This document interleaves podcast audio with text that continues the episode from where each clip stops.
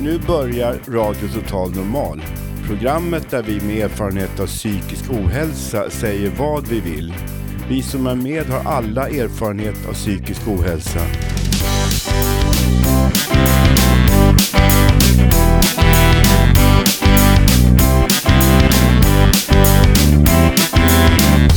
Du lyssnar på radio Total Normal. 101,1. Totalt normalt. Radio Total Normal, torsdagar från två till halv fyra.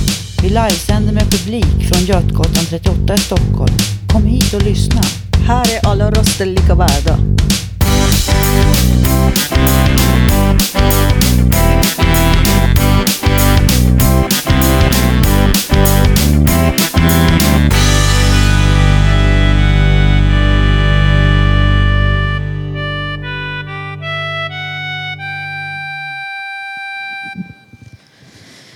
Varmt välkomna ska ni vara till Radio Total Normal 101,1. Vi sänder från Götgatan 38 på Södermalm i centrala stan från 14 till 15.30. Live, helt osensurerat. Eh, vi sitter här ett gäng och dricker kaffe. Jag känner doften av kaffearomen sprida sig över matsalen. Alla som har erfarenhet av psykisk ohälsa kan delta i programmet. Du kanske har erfarenhet själv eller är anhörig eller jobbar i psykiatrin.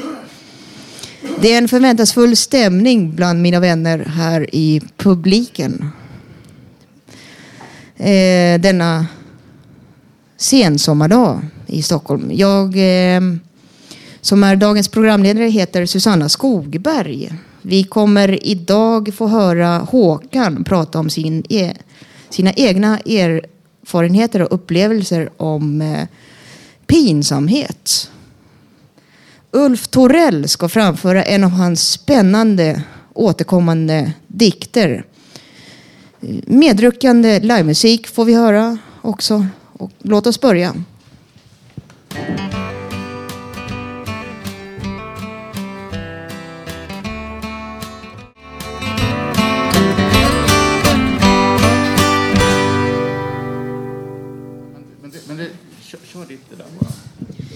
Ja, välkomna tillbaka. Eh, vi får höra nu Mr X berätta om eh, svensk-amerikaner.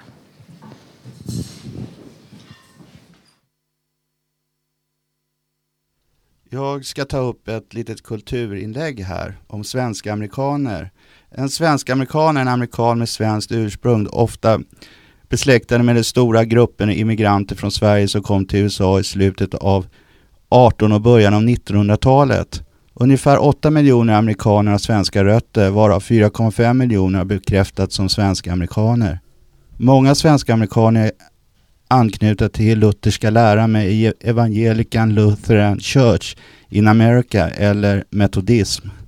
De få invånarna av svensk koloni Nya Sverige som grundades under svenska stormaktstiden och existerade mellan 1638 och 1655 gifte sig med andra kolonister och tycks ha försvunnit som säregen grupp före 1776. De svenska immigranter som anlände på senare år har bosatt sig i förorter runt New York och Los Angeles. Runt 3,7 procent av den amerikanska befolkningen sägs ha skandinaviskt ursprung som också inkluderar norska-amerikaner, danska-amerikaner och islandsamerikaner. Nu talar runt 160 000 invånare skandinaviska språk hemma. Många av dem har ny, nyligen emigrerat. Svenska samhällen bytte till engelska 1920 i USA. Amerikansk folkräkning på senare tid har kommit fram till att det finns 4 417 115 svenska amerikaner vilket motsvarar 1,8 procent av USAs befolkning. Just nu pågår en utställning om John Eriksson på Fountain House och det är från Fountain House vi sänder här. Han är en av de kändaste svenska amerikanerna. John Eriksson uppfann skeppspropellen och byggde den första typen av ett nytt bepansrat fartyg som fick namnet Monitor. Detta fartyg kom att bli en av de viktigaste medlen för att nordstaterna vann inbördeskriget. Den 9 mars 1862 mötte Monitor sydstaterna CSS Virginia som också var ett bepansrat fartyg med en kraftig ram istället för Monitor som ett rörligt kanontorn som huvudvapen. Och naturligtvis var det så att Monitor vann. Det kan också vara så att Sveriges goda förbindelser med USA i början av förra seklet bidrog till att Sverige förklarade sig neutralt under andra världskriget. Och eh, det här är mitt lite, lilla inlägg här och eh, jag hoppas att det var intressant. Ja, jag tänkte ta upp lite grann här att eh, just det här med Sverige och Amerika, det börjar bli mer och mer myter eftersom man börjar förlora kontakten med sina släktingar där. Och då kan ju släktforskning vara ett sätt liksom att hitta sina rötter. Jag vet inte om det är några här som har några åsikter om det.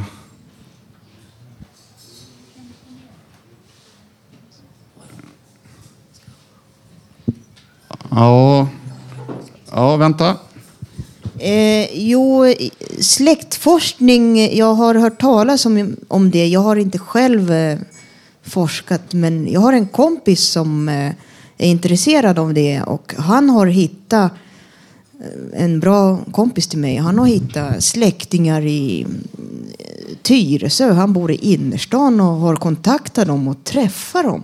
Eh, så att just när det gäller till exempel i USA och sådär. Man kan ju, jag vet inte hur man går tillväga eller sådär. Jag, jag är inte så intresserad själv eller har varit. Men han, jag har en polare som har lyckats få tag på avlägsna släktingar. Ja, men det kan vara så att man hittar släktingar som man inte hade väntat sig. Det kan vara ganska överraskande. Och sen när det gäller förbindelsen med Sverige och USA, att svenska neutraliteten har ju gjort att Sverige har kunnat kritisera USA och andra gamla kolonialmakter. Men samtidigt kunna bygga broar. Kanske det kan fungera i Mellersta Östern och exempelvis Afrika i dagens läge. Det tycker jag är intressant eh, perspektiv också på det hela. Jag vet inte om det är några fler som har några åsikter om det. Nej, verkar inte det. Det var lite lite debatt idag, men... Eh, oh, vänta, här kommer en man här. Ja, jag har ju haft många brevvän just i USA. Jag har skrivit brev jag har haft, jag har haft en brevväninna nu ja, cirka 20, 25 år nästan då. Och eh, jag tycker det är intressant med släktforskning också. Nu, nu finns det ju bra tekniska hjälpmedel. Det är datorer och man kan gå ut på internet. Det är ett tips till alla som vill ägna sig åt släktforskning. Då. Varsågod. Ja, här är en röst till. Var Erik Karlsson på 20-talet, det är min eh, pappas eh, fader, alltså farfar. Han emigrerade och hamnade i eh, New York på 20-talet som man säger. Och det, då var det ju då East River Street det är en eh, sidogata till Manhattan. Ja, utan jag skulle vilja säga några saker om dessa så impopulära muslimer och andra som flyttar till Sverige. Det är nog faktiskt så att man får betrakta människor som lika mycket värda även om de inte är, är så att säga infödda svenskar. Jag vet inte, men eh, det är mycket debatt om det där och det råder ju mycket fördomar tyvärr. Utan det bästa man kan göra är nog att säga, att göra som de gör i USA och säga att de är lika mycket värda. Tack. Okej, okay, det är bra. Kör vidare. Uh, this song really about nothing, you know. It's, it, that's exactly what it's about, kind of nothing. Got most of it lived. Mm, mm, mm.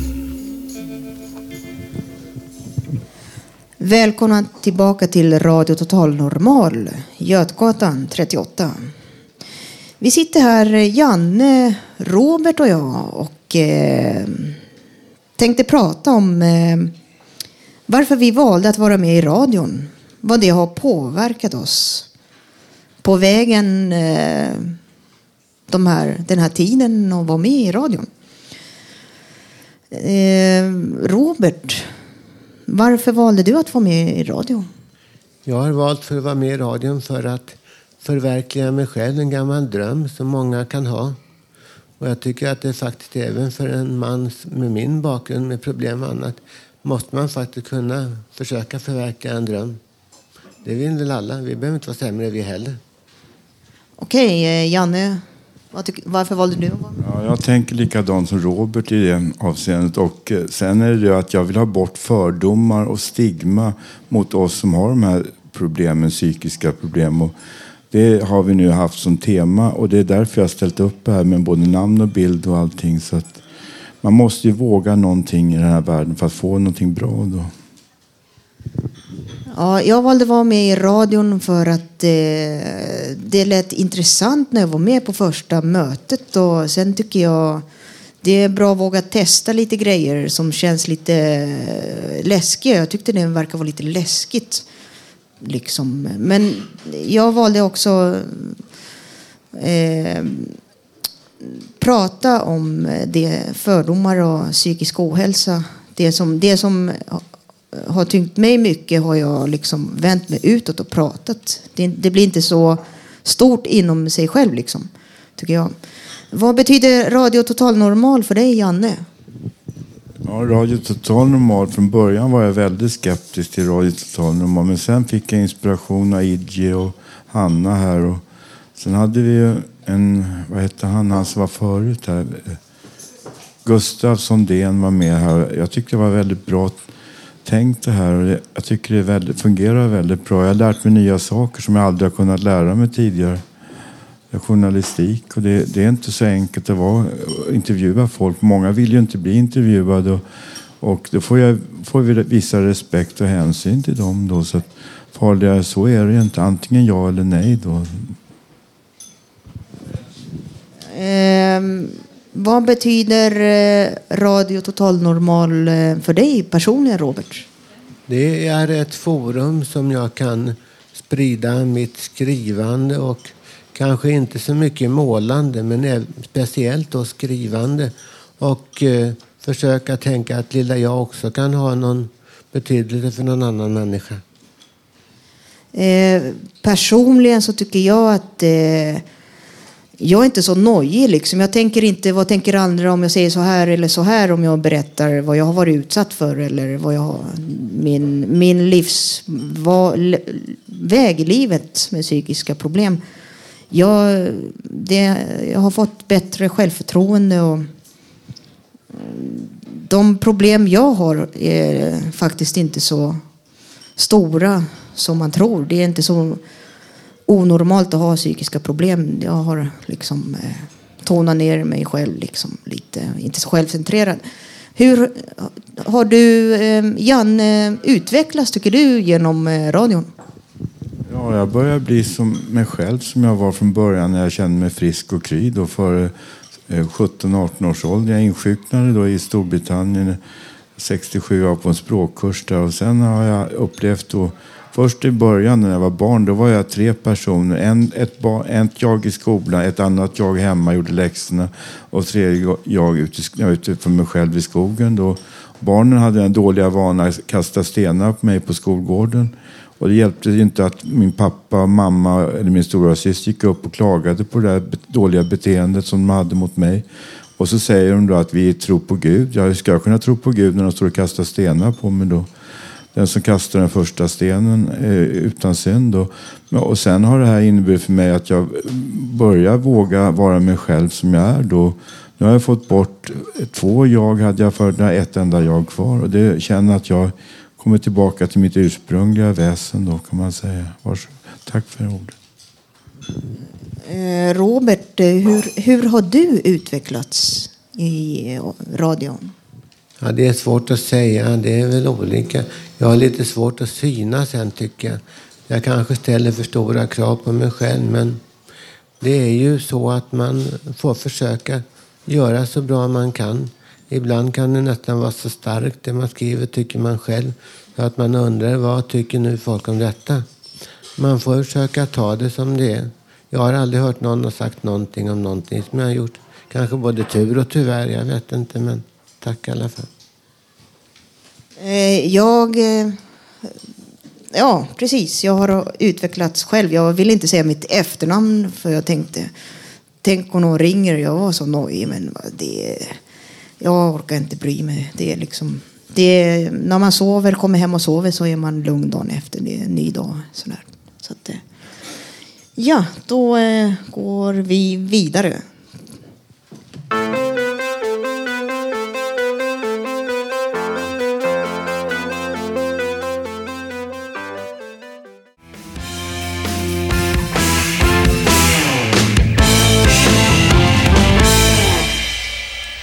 Ska läsa en reflektion som jag har skrivit och jag heter Karin Lundgren.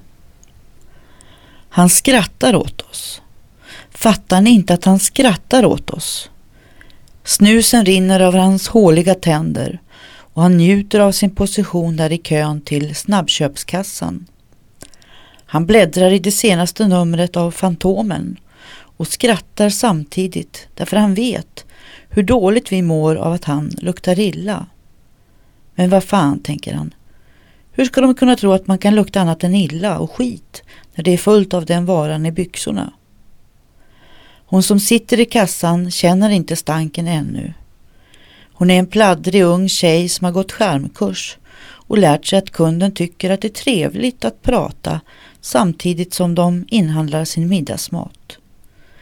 I skärmkursen lär de sig inte att även A-lagare är hungriga och lär sig inte att de också står i matkö och tillför sin stinkande livstragedi till den så kallade normala klientelet. Vem nämnde livstragedi? Vem påstår att den nerskitne mannen med trasig överrock är mer livstragisk än andra?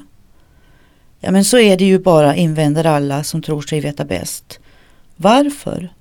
Därför att hans liv är inte värt att leva. Eländet fyller det till bredd och längd, fattar väl alla. Jo, jo. Ja, men hon som står där då?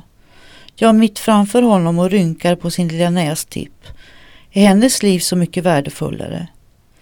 Visste ni att den drygt 30-åriga kvinnan där måste svepa tre glas martini varje gång hon ska ringa till sin våldsamma pojkvän som bor utomlands? Är det ett värdigt liv det? Att vara rädd för den man älskar? Och hon som står där då? Den äldre kvinnan med sin lilla mops i koppel hon somaliskt städar sin lägenhet varje dag för att hålla depressionen borta och vars dotter bara hör av sig till jul. Är hennes liv värdefullare än mannen som stinker vid hennes sida? Nu skrattar han igen. Han vet att omgivningen lider av att han står just där. Men Fantomen har just räddat ett barn från ett hungrigt lejon.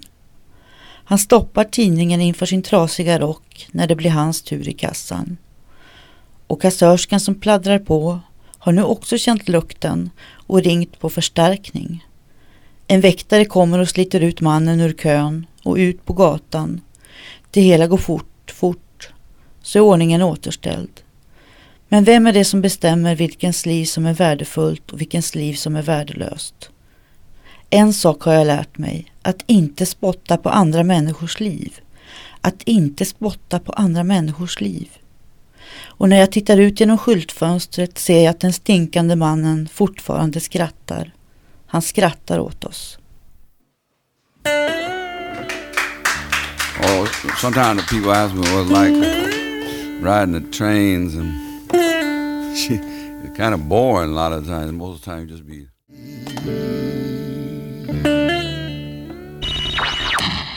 Radio Total Normal 101,1 torsdagar 14 till 15.30 totalt normalt. Nu ska Lilian Enbring och Jocke Lanners framföra livemusik. Ja, för två veckor sedan så var vi här och då spelade ni, eh, eller spelades det här på Radio Total Normal en låt som hette Once upon a summertime. Jag kommer inte ihåg vem det var som sjöng den gången, men jag tyckte det var en så fin låt. Så vi tänkte spela och framföra den idag.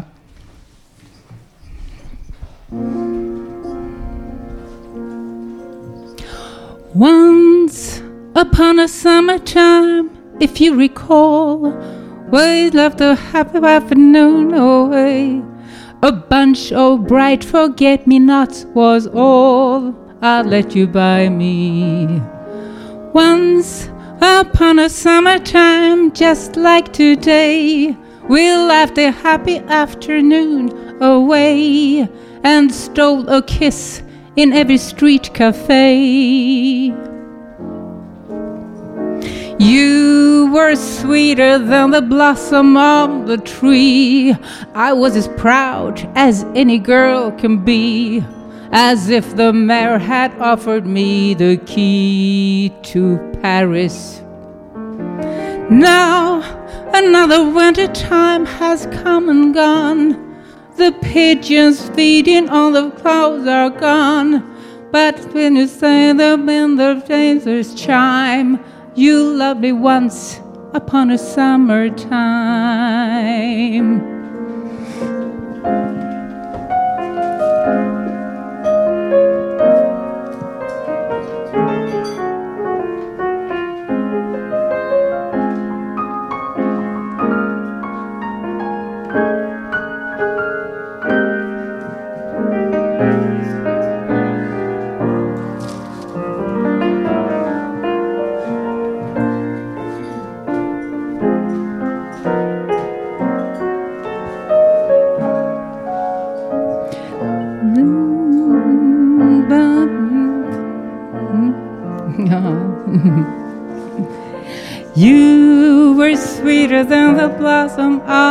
tree. I was as proud as any girl can be, as if the mayor had offered me the key to Paris. Now another winter time has come and gone. The pigeons feeding on the square are gone. But I remember when the vesper chime, you loved me once upon a summertime.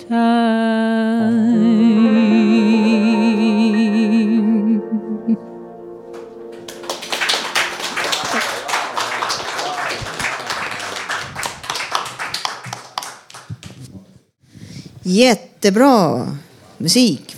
Du lyssnar på Radio Total Normal 101,1. Eh, nu ska en av våra medarbetare, Robert N, framföra en text. Ja, hur är då våra chanser? Vad är våra mänskliga rättigheter? Och vad är detta i praktiken värt? Hur är det då med mitt liv? Vad är då våra chanser? Hur är ett liv för en som mig? Hur blir det som att vara som mig?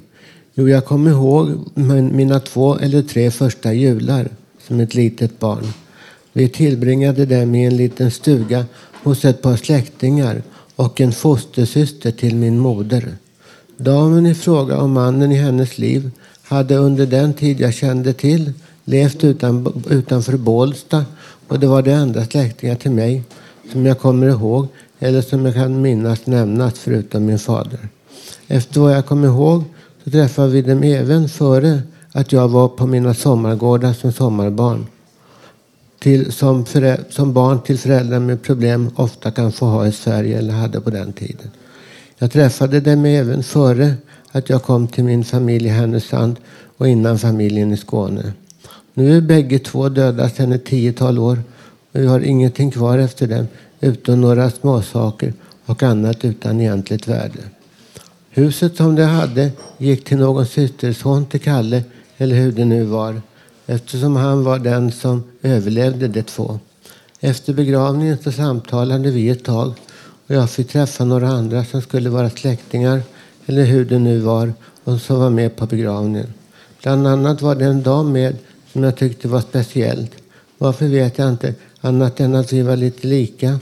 Och det kan ju vara så med släktingar. Även om jag inte fattade det som att hon skulle varit min biologiska släkting. För att det var ju inte de andra, men ja. Det, det var en känslig situation och alla närvarande var okända för mig. Så jag tyckte att jag inte kunde gå till huset för att dricka begravningskaffe med de övriga. Någon hade tidigare sagt, hur det nu än var, att jag inte skulle få något efter dem och att jag nog inte var välkommen. Vem det var vet jag inte, men någon måste det ju ha varit. Även minns jag tydligt att jag var ledsen eftersom jag tyckte mig förstå att jag inte var välkommen till kaffet. Det hela resulterade i att jag kände mig tvungen att åka hem och strunta i resten av sammankomsten. Jag hade ju av någon anledning alldeles uppenbart blivit klart upplyst om att jag inget hade väntat mig angående något arv eller övrigt. Det var inte arvet som var viktigt för mig utan det var att känna mig bekräftad och att de sa, hade sagt att du, du var värd detta. Men det blev väl som det blev. Vad som hände var det att jag inte orkade röra i dessa upplysningar som alldeles uppenbart sade till mig att jag ingenting hade väntat något alls i stort. Och, och, det var ju bägge döda då, så varför skulle jag bry mig? Och, och jag minns att någon satt och, skrev, satt och skrävlade och skrålade hos min moder senare och hånande sa till mig att jag bara nog skulle få några små tändsaker som inget var värt efter de två. Jag vet inte vad mer som hände eller, eller inte hände. Jag blev tvungen att åka hem bussen hela vägen från Bålsta tillbaka till Södermalm. Utan att egentligen få reda upp om hur det nu var med andra i denna släkt eller hur det ställde sig till mig. Jag var en ensam man med min faktiska diagnos i bagaget och jag tog för givet att jag inget skulle få. Vem det var som sa det till mig att vi inget kunde få vet jag inte, det minns jag inte. Jag minns att jag tyckte att de som där var där verkade trevliga, vanliga människor. Och att jag inte ville komma till dem med mitt krångliga liv som en man lite utanför deras vanliga liv och umgänge i en, i en krånglig situation. Det kändes inte okej. Okay. Jag kunde inte göra mer än jag gjort tyckte jag. Jag trodde naturligtvis att Kalle skulle ha haft några papper efter sig. Eller att jag, eller hur det nu än var, skulle ha något rätt till något. Jag hade hört att min mamma sagt ibland att jag inte var hennes barn och andra gånger sa hon att jag var hennes barn. Varför hon har hållit på så där, det vet jag inte. Men det är klart att det, det måste ju vem som helst, även vuxen människa, förstå att man blir mycket ledsen för sånt. Det är ju svårt naturligtvis om man har det är svårt hur man ska, ska, ska förhålla sig till en mor som är beredd att ta upp, ta, att ha denna attityd till sin enda son. Det är ju sinnessjukt, men hur ska man göra? Jag vet inte. Hon verkar inte fatta vad som sägs och annat när man nämner detta.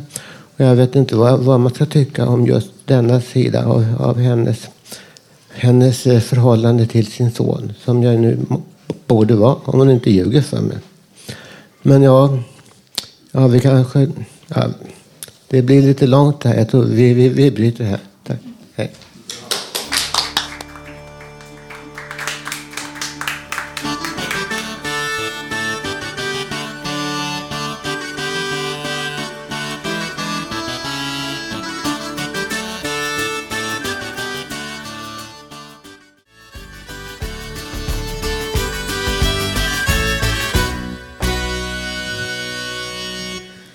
Välkomna tillbaka.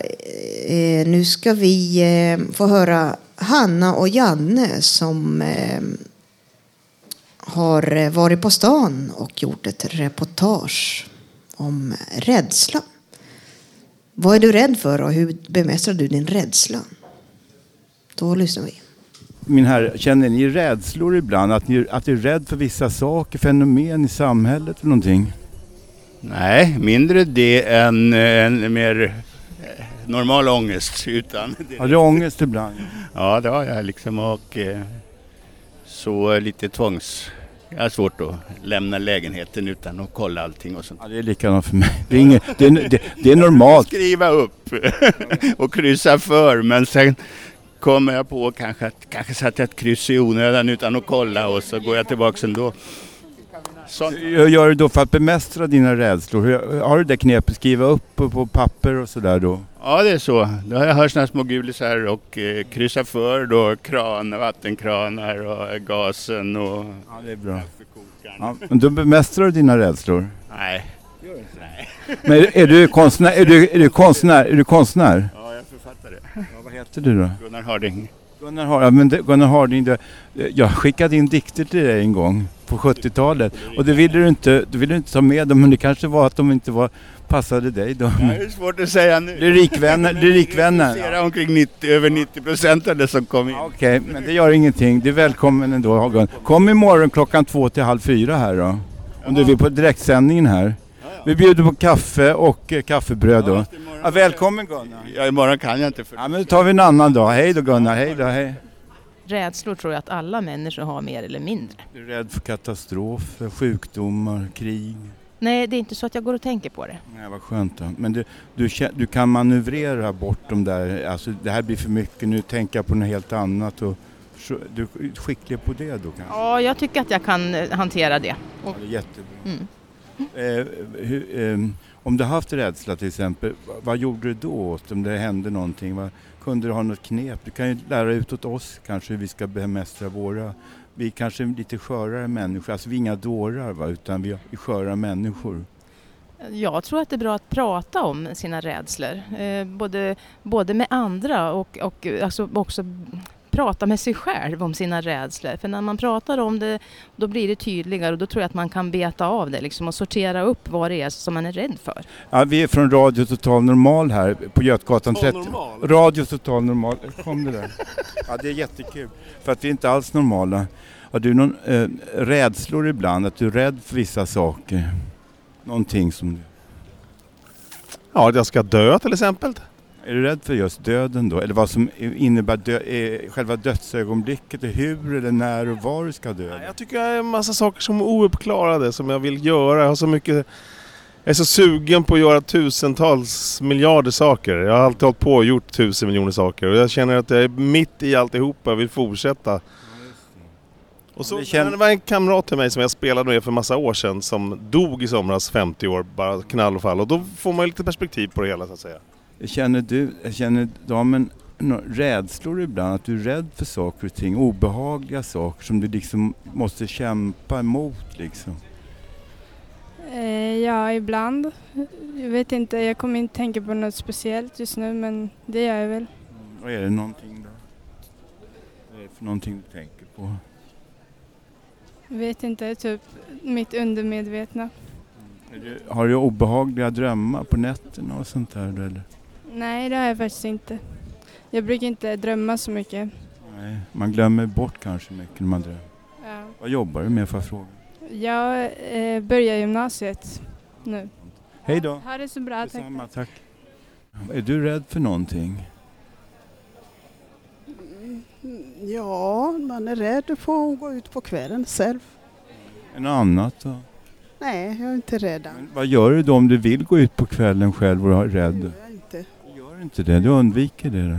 Nej, för att eh, jag, har min, jag har tre barn och en son har blivit slagen här på, på kvällen på natten när han har varit ute. Då blev jag rädd. Då, jag låter inte mina barn gå ut här. Jag säger till dem, då får åka taxi hem eller säger jag hämtar dem. Jag förstår. Jag är inte rädd för psyksjuka, det är jag Nej, vi är inte farliga alls. Alltså, det är tvärtom. Jag, är för jag jobbar genom sjukvård med själv. Du har jobbat med psykiatri också? Ja, jag jobbar med psykiatri. Nu har jag jobbat med vanliga vård. Jag jobbar på akutsjukhus. Jag jobbar medicin, kirurg. Men när man har den här psykiska sjukdomen då vet man hur man ska bära sig åt också för att bemästra sin egen rädsla. Jag är rädd också ibland, faktiskt varje dag lite grann. Vissa saker är obehagliga. Vad tycker du då Hanna, vad är du rädd för? Och jag är rädd för ganska mycket faktiskt. Specifikt, som det värsta scenariot? Jag är rädd för att folk som jag älskar ska dö. Ja, det menar jag. Det är inte, jag tänker inte så mycket på döden. Det är klart, det är, varje dag tänker jag på det men, men att ähm, det är ju så det är. Va? Det är inte, liksom, ja, jag är väl mer rädd för kanske, ja, alltså jag är väl mer rädd för sånt som jag inte, rädslor som kom inifrån och som jag eh, inte vet var de kommer ifrån. Om, får, om jag får tillbaka den här psykosen då hade jag varit ganska rädd. Alltså. Det hade varit jobbigt. Tycker jag ser ut, där ser Tage. Hej, är det Tage G Pettersson? Ja. Hej, får jag bara ställa en fråga? Ja, får jag fråga dig en sak? Ja, det är ingen tidningsintervju eller någonting. Radio, det är helt diskret det här. Helt diskret. Jag är själv socialdemokrat, Tage. Och jag vill bara fråga en sak. Vad är du rädd för mest av allt? Ohälsa för mänskligheten. Något annat då? Nej, jag tycker det, det är nog det. Det räcker med det. Tack snälla Tage. Det var kul. Nu har vi intervjuat två, Gunnar Harding och Tage G Pettersson. Du ser ju själv vad kul det är att leva. Livet är stenkul, tro på mig gör tjej. Baby love, reach out and touch somebody's hand. Make this world a better place if you can. Reach out and touch somebody's hand. Make this world a better place if you can.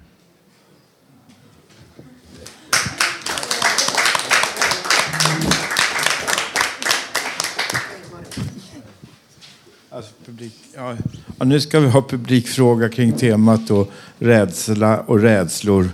Är någon här i publiken som vill säga någonting om det? Ja, Håkan, varsågod. Ja, många är ju rädda för just ungdomarna som kanske är berusade och uppträder på ett bra sätt. På ett olämpligt sätt.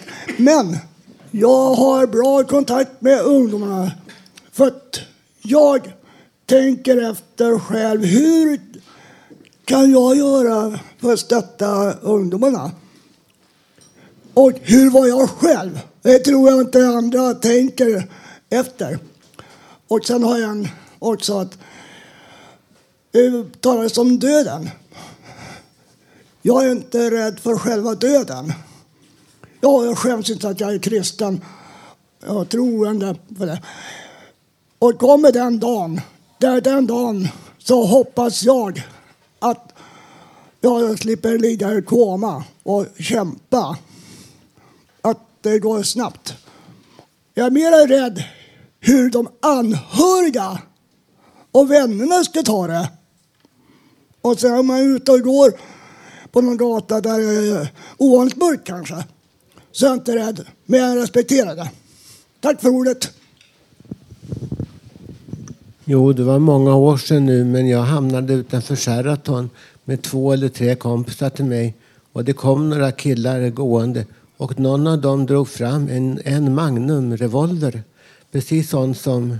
Och jag vet inte, han höll upp den och tänkte, vad ska man göra? Jag skrek åt karln, varför vet jag inte. Och jag vet inte vad som hände med Jag vet så pass mycket att det inte var någon dröm. Men det är en sån här situ- idi- idiotisk situation som man inte tror att man ska kunna hända. Kunna hända någon på Stockholms gator. Men det kan det tyvärr. Jag finns kvar här som jag kan vara glada för i alla fall. Tack hej. Vallo? Ja, man kan vara rädd när man kör i trafiken. För man vet aldrig när man blir pårammad av någon rattfylla. För det kör under en timme 525 stycken rattfulla i Sverige. Så man vet aldrig när man kan bli pårammad igen. Tack. många blir det sammanlagt? Eh, Jag tänker lite grann här på rädsla och sådana saker. Att man kan, eh, man kan bena upp det där lite grann. Att först så finns det rädsla som man kan göra någonting åt. Och sen så finns det, det har man varit inne på här lite grann, att rädsla man kan göra någonting åt och rädsla man inte kan göra någonting åt, så att säga. Att vissa saker finns olika strategier, att man kan göra olika saker så att man blir tryggare. Till exempel om man ska sitta här och prata i radio, hur man ska liksom hantera det så att man inte blir rädd när man ska prata i radio. Och inom, inom psykiatrin finns det också problem med ångest. Att, att man kanske, just det här exemplet med radion, man har ångest för att man ska framträda i radion. Då kanske man inte mår så bra. Men sen finns det också människor som känner ångest och inte vet var ångesten kommer ifrån. Och då blir det, eh, får man börja från början och bena upp och försöka hitta någon ledtråd till var ångesten kommer ifrån för att kunna hantera den. Och det tror jag är viktigt att, att man kan på olika sätt minska olika risker. Jag, jag, det, det, det, man säger i debatten att svenskarna de är, de är, de, de är överbeskyddande och så vidare. Och att, att, att man måste ta risker och så vidare. Och du pratar om trafiken. att Jag menar, redan nu så skulle man kunna ha radar på bilen så man ser hur långt det är till bilen framför och sådana saker. Då minskar man ju risker. Och det är ju ett praktiskt, tekniskt sätt att minska risker. Så att det, där, det där är en avvägning. Det är väldigt intressant och, och det är många människor som, som, som tänker mycket om det där och pratar mycket om det. Jag har inte kommit i kontakt med det först på senare år och, och jag har träffat olika människor och jag tycker att det är intressant. Ja, tack alla deltagare för de här ins eh, inslagen vi har fått. Nu lämnar jag ordet till programledaren. Okej, då går vi vidare. Ja. Direktsänd radioshow producerat av oss med erfarenhet av psykisk ohälsa.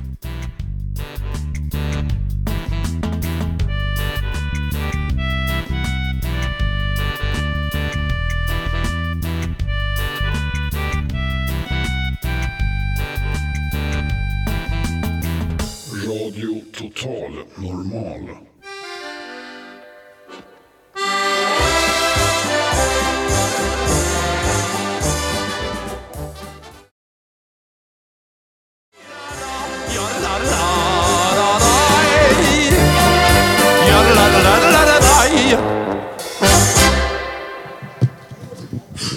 Välkomna tillbaka till Radio Total Normal 101,1. Eh, Jag tänkte berätta en eh, grej som eh, jag har varit med om. En, en stor grej som jag aldrig någonsin i hela mitt liv har varit med om som eh, har påverkat mig väldigt starkt. Eh, jag kan berätta att jag har ett hundintresse. Jag rastar privathundar två stycken i stan här. Plus att jag bor nära en omplaceringshem i Bromma. Det är för hemlösa hundar och sådär. Det, och I och med det, jag har varit på Kolmården förra sommaren, så åkte vi förbi varghägnet där. Då tänkte jag att det var spännande att kolla.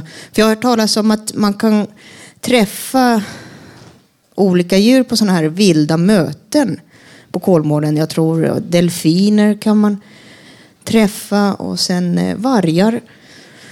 Så jag tänkte ett par månader ska jag boka tid. Eller, jag var nyfiken men jag var väldigt rädd.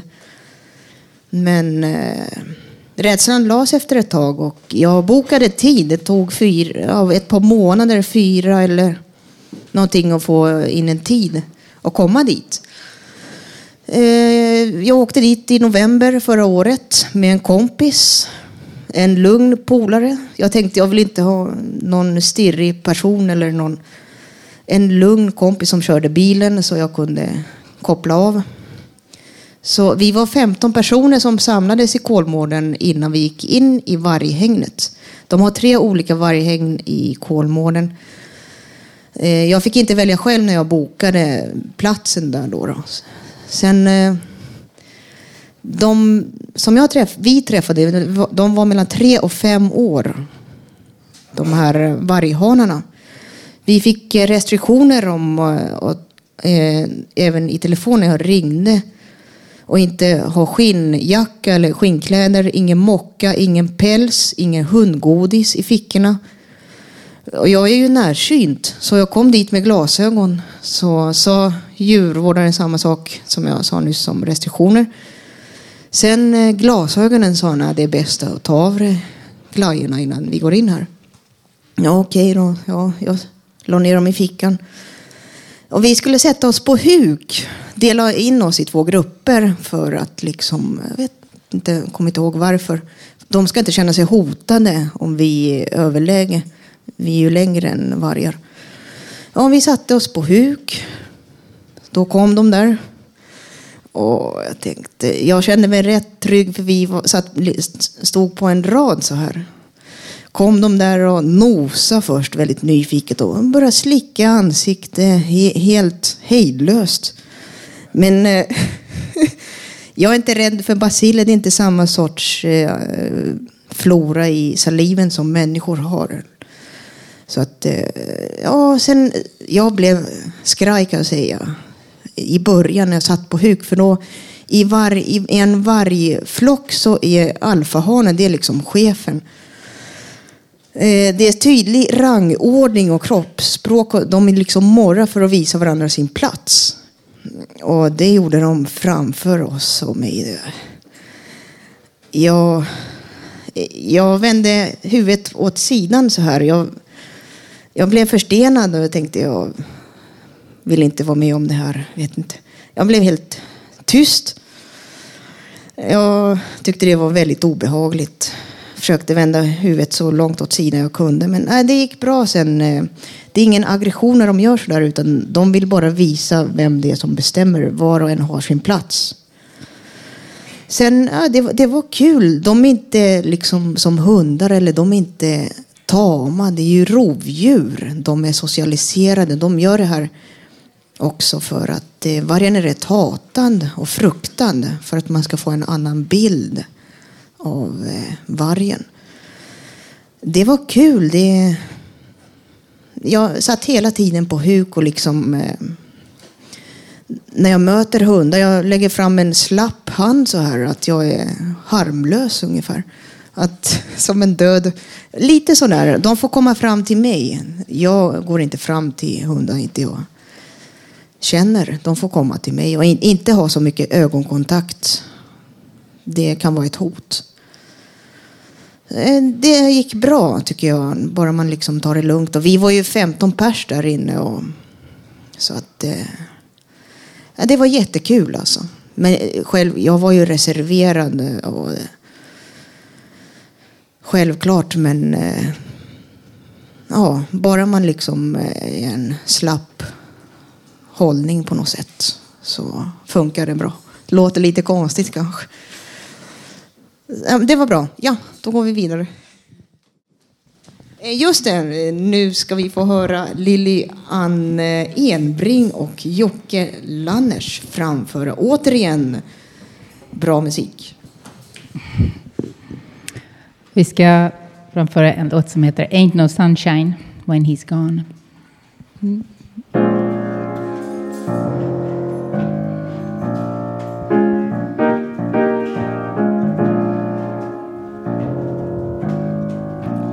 Ain't no sunshine when he's gone. It's not warm when he's away. Ain't no sunshine when he's gone, and he is always gone too long. Anytime goes away, I wonder this time where he's gone. I wonder how long he's gonna stay. Ain't no sunshine when he's gone, and this house just ain't no home. Anytime he goes away, I know, I know, I know, I know, I know, I know, I know, I know, I know, I know, I know, I know, I know, I know, I know, I know, I know, I know, I know that when it's gone, always gone too long.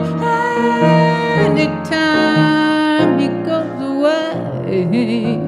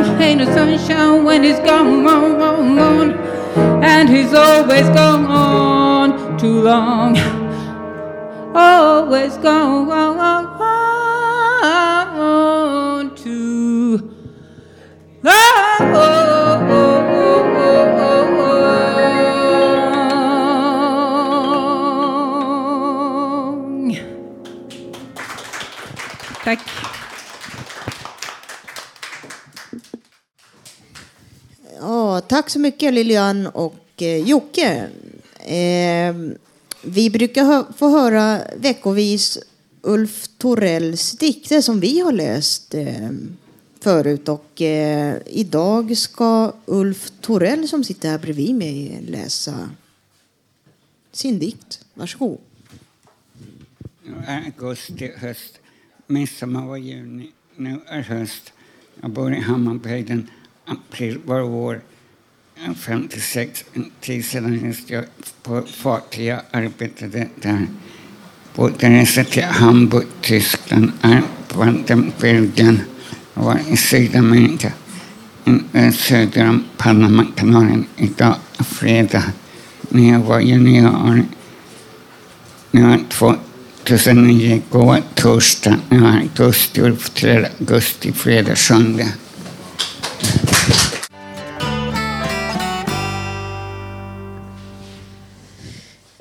Jag har intervjuat Lottie Hellström som är docent och överläkare på AVK, akutmottagning för våldtagna kvinnor på Södersjukhuset. Hon berättar även också om män som har blivit utsatta för våldtäkt som eh, får komma till vanliga akuten med samma behandlingsplan, plan, premoria. Det är en journalanteckning som kallas för det. Då lyssnar vi. Bemötandet går ju väldigt mycket ut på att eh, återge den här personen kontrollen. En sån här händelse innebär ofta att man känner att, man, att hela världen är farlig, att man har tappat kontrollen. Man har varit utsatt för livsfara. Och då är det väldigt viktigt att väldigt snabbt få en känsla av att världen inte är farlig, att människor är vänliga och att man har kontroll. Så det går mycket ut på att fråga vad personen själv önskar.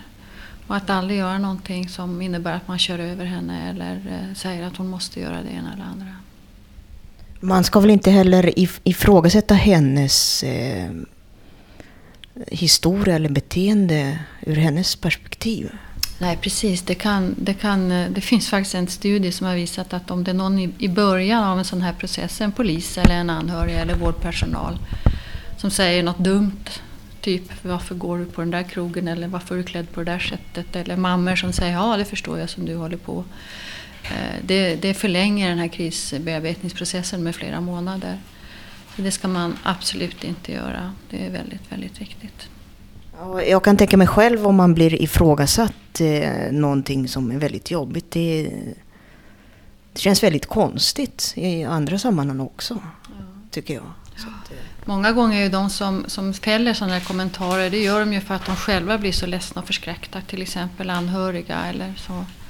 som inte vill förstå att det här hemska har hänt. Så att, eh, det är inte alltid illa ment, men det kan göra stor skada. Har våldtäkterna ökat i samhället? Ser ni någonting av det? Vi har ju bara varit öppet då i fyra år eh, och eh, vi har väl sett under den tiden en ökning men i år ser det ut som det, var, som det är en minskning igen. Och det här kan, det kan röra sig om samhällstrender helt enkelt. Eh, jag kan inte förklara, det verkar ha minskat också när det gäller polisanmälda våldtäkter. Jag kan inte riktigt förklara det faktiskt. Möjligen är det så att uppmärksamheten kring brotten har gjort att förövarna är mindre benägna. Alltså de som våldtar tar det lite försiktigt. De gör det inte alltså. Tar inte risken att bli, åka dit. Tidigare så kunde man ju väldigt ofta komma undan utan att bli anmäld. Till exempel eh, om män har blivit utsatta. Det finns en speciell handlingsplan har jag hört talas om. Ja, just det. Sen vi öppnade så fick man ju upp ögonen för att eh, våldtagna män, det är ändå väldigt, det är hälften så många män som blir våldtagna som kvinnor faktiskt. Så att det är en jättestort mörkertal när det gäller män som har blivit utsatta för sexuella övergrepp. Och eftersom inte vi tar emot dem så har det kommit mycket fokus på att det, det måste finnas ett sätt att ta hand om dem också. De tas om hand på den vanliga akuten men efter samma eh, samma regler, samma mönster, samma PM som vi gör för kvinnorna. Så det ska vara ett liknande omhändertagande där. Samarbetar ni med andra myndigheter? Vi samarbetar mest med polisen förstås och det har vi väldigt bra samarbete med. Vi samarbetar väldigt mycket med socialtjänsten. Den här eh, kvinnan kan vara minderårig så att hon behöver stöd av socialtjänsten eller hon kan ha minderåriga barn. Hon kan ha behov av skyddat boende eller annat stöd och det är socialtjänsten som hjälper till med. Sen har vi kontakt med psykiatrin. En del eh, räcker inte med den eh, samtalsbehandling de får här utan de behöver längre behandling i psykiatrin och då får de hjälp där.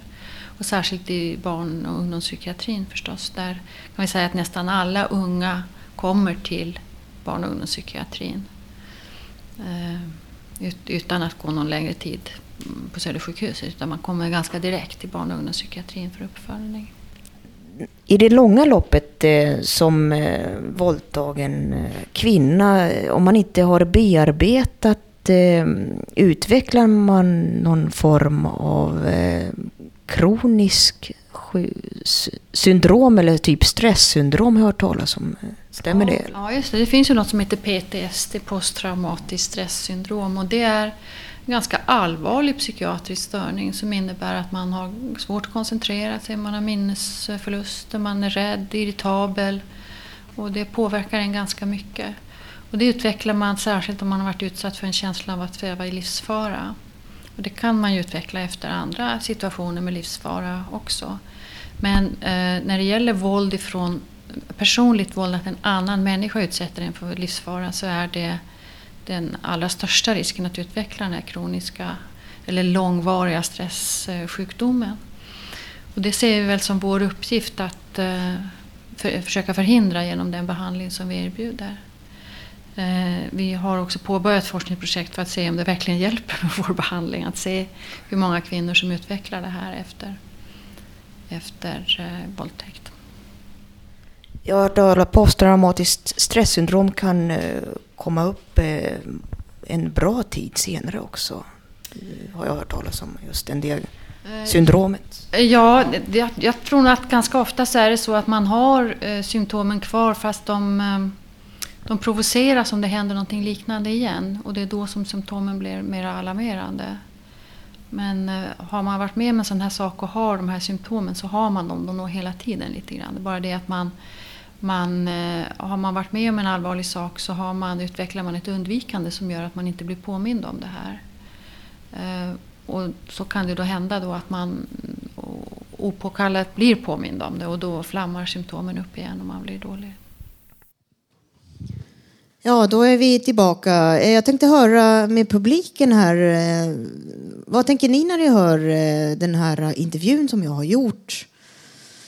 Är det bra att det finns en sån, sån här mottagning till exempel? Jag, jag heter Janne och jag ska berätta att jag råkade själv antagligen, jag är inte hundra procent men det är väl nästan det.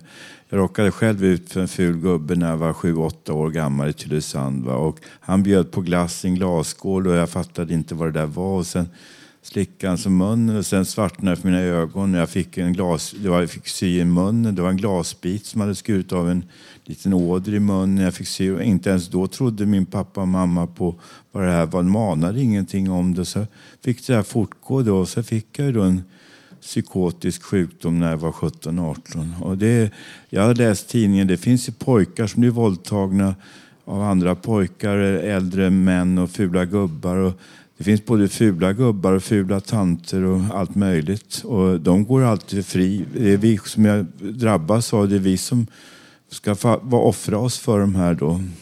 Tack för ordet. Ja, det, det är faktiskt så att många män blir också utsatta. Det är mycket mer än man tror när jag pratar med docent och överläkaren eh, Lottie Hellström. Så det, det är faktiskt någonting vi bör veta om. Även männen drabbas. Jag ska fatta mig kort. Jag tycker det är bra att även män har någonstans att ta vägen. För då vet de inte många gånger var de ska ta vägen. Eh, precis. Eh, det gäller också alla som är under 18 år eh, när det gäller den här mottagningen. Så man, kan man bli hänvisad till PBU eller liknande. Så det är barn och vuxna oavsett kön. Då går vi vidare. Ja, då ska vi se. Vi har eh, en eh, fråga här, tar vi kort. Jag går fram här i korridoren. Ska vi kolla här. Så. Eh, jag tänkte ta upp någonting som är lite anknytande. Det är lite grann det här att vilka människor som hamnar i psykiatrin och sådana saker. Ibland så är det olika grupper i olika länder. Till exempel en, I ett land kan kanske en etnisk grupp eller en politisk gruppering vara ledande och i ett annat land så är den gruppen undertryckt. Så att det är alltid liksom beroende på maktstrukturen i det samhället man befinner sig i så växlas människorna som mår bättre och sämre. Så att det måste ju vara någon, man måste nog ta hand om varandra lite bättre tror jag. Okej, eh, nu eh, lyssnar vi på musik.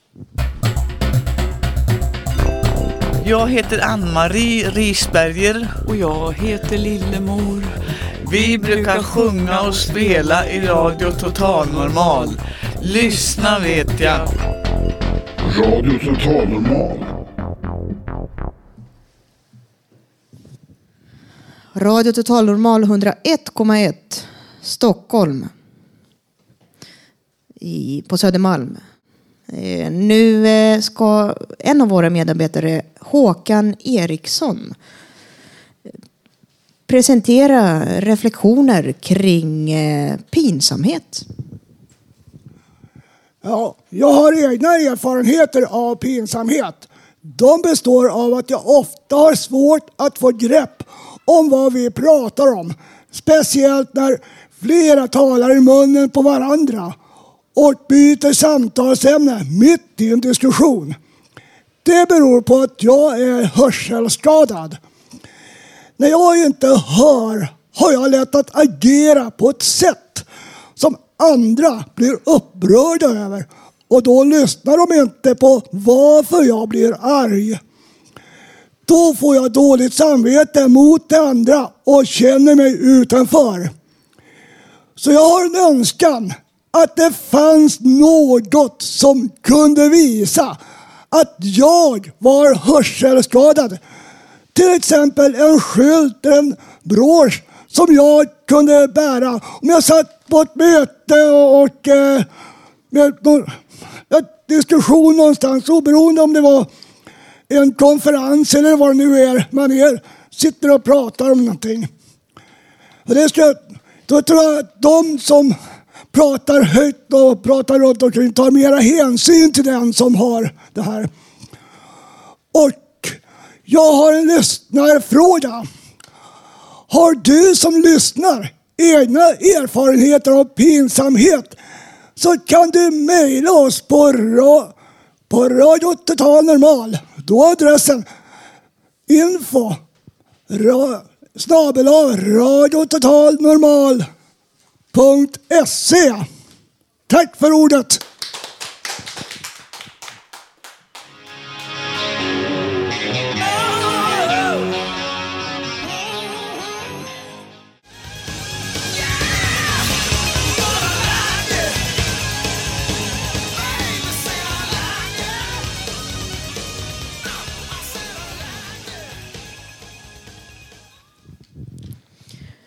Programmet närmar sig slutet nu. Eh, du har lyssnat på Radio Total Normal eh, 101,1.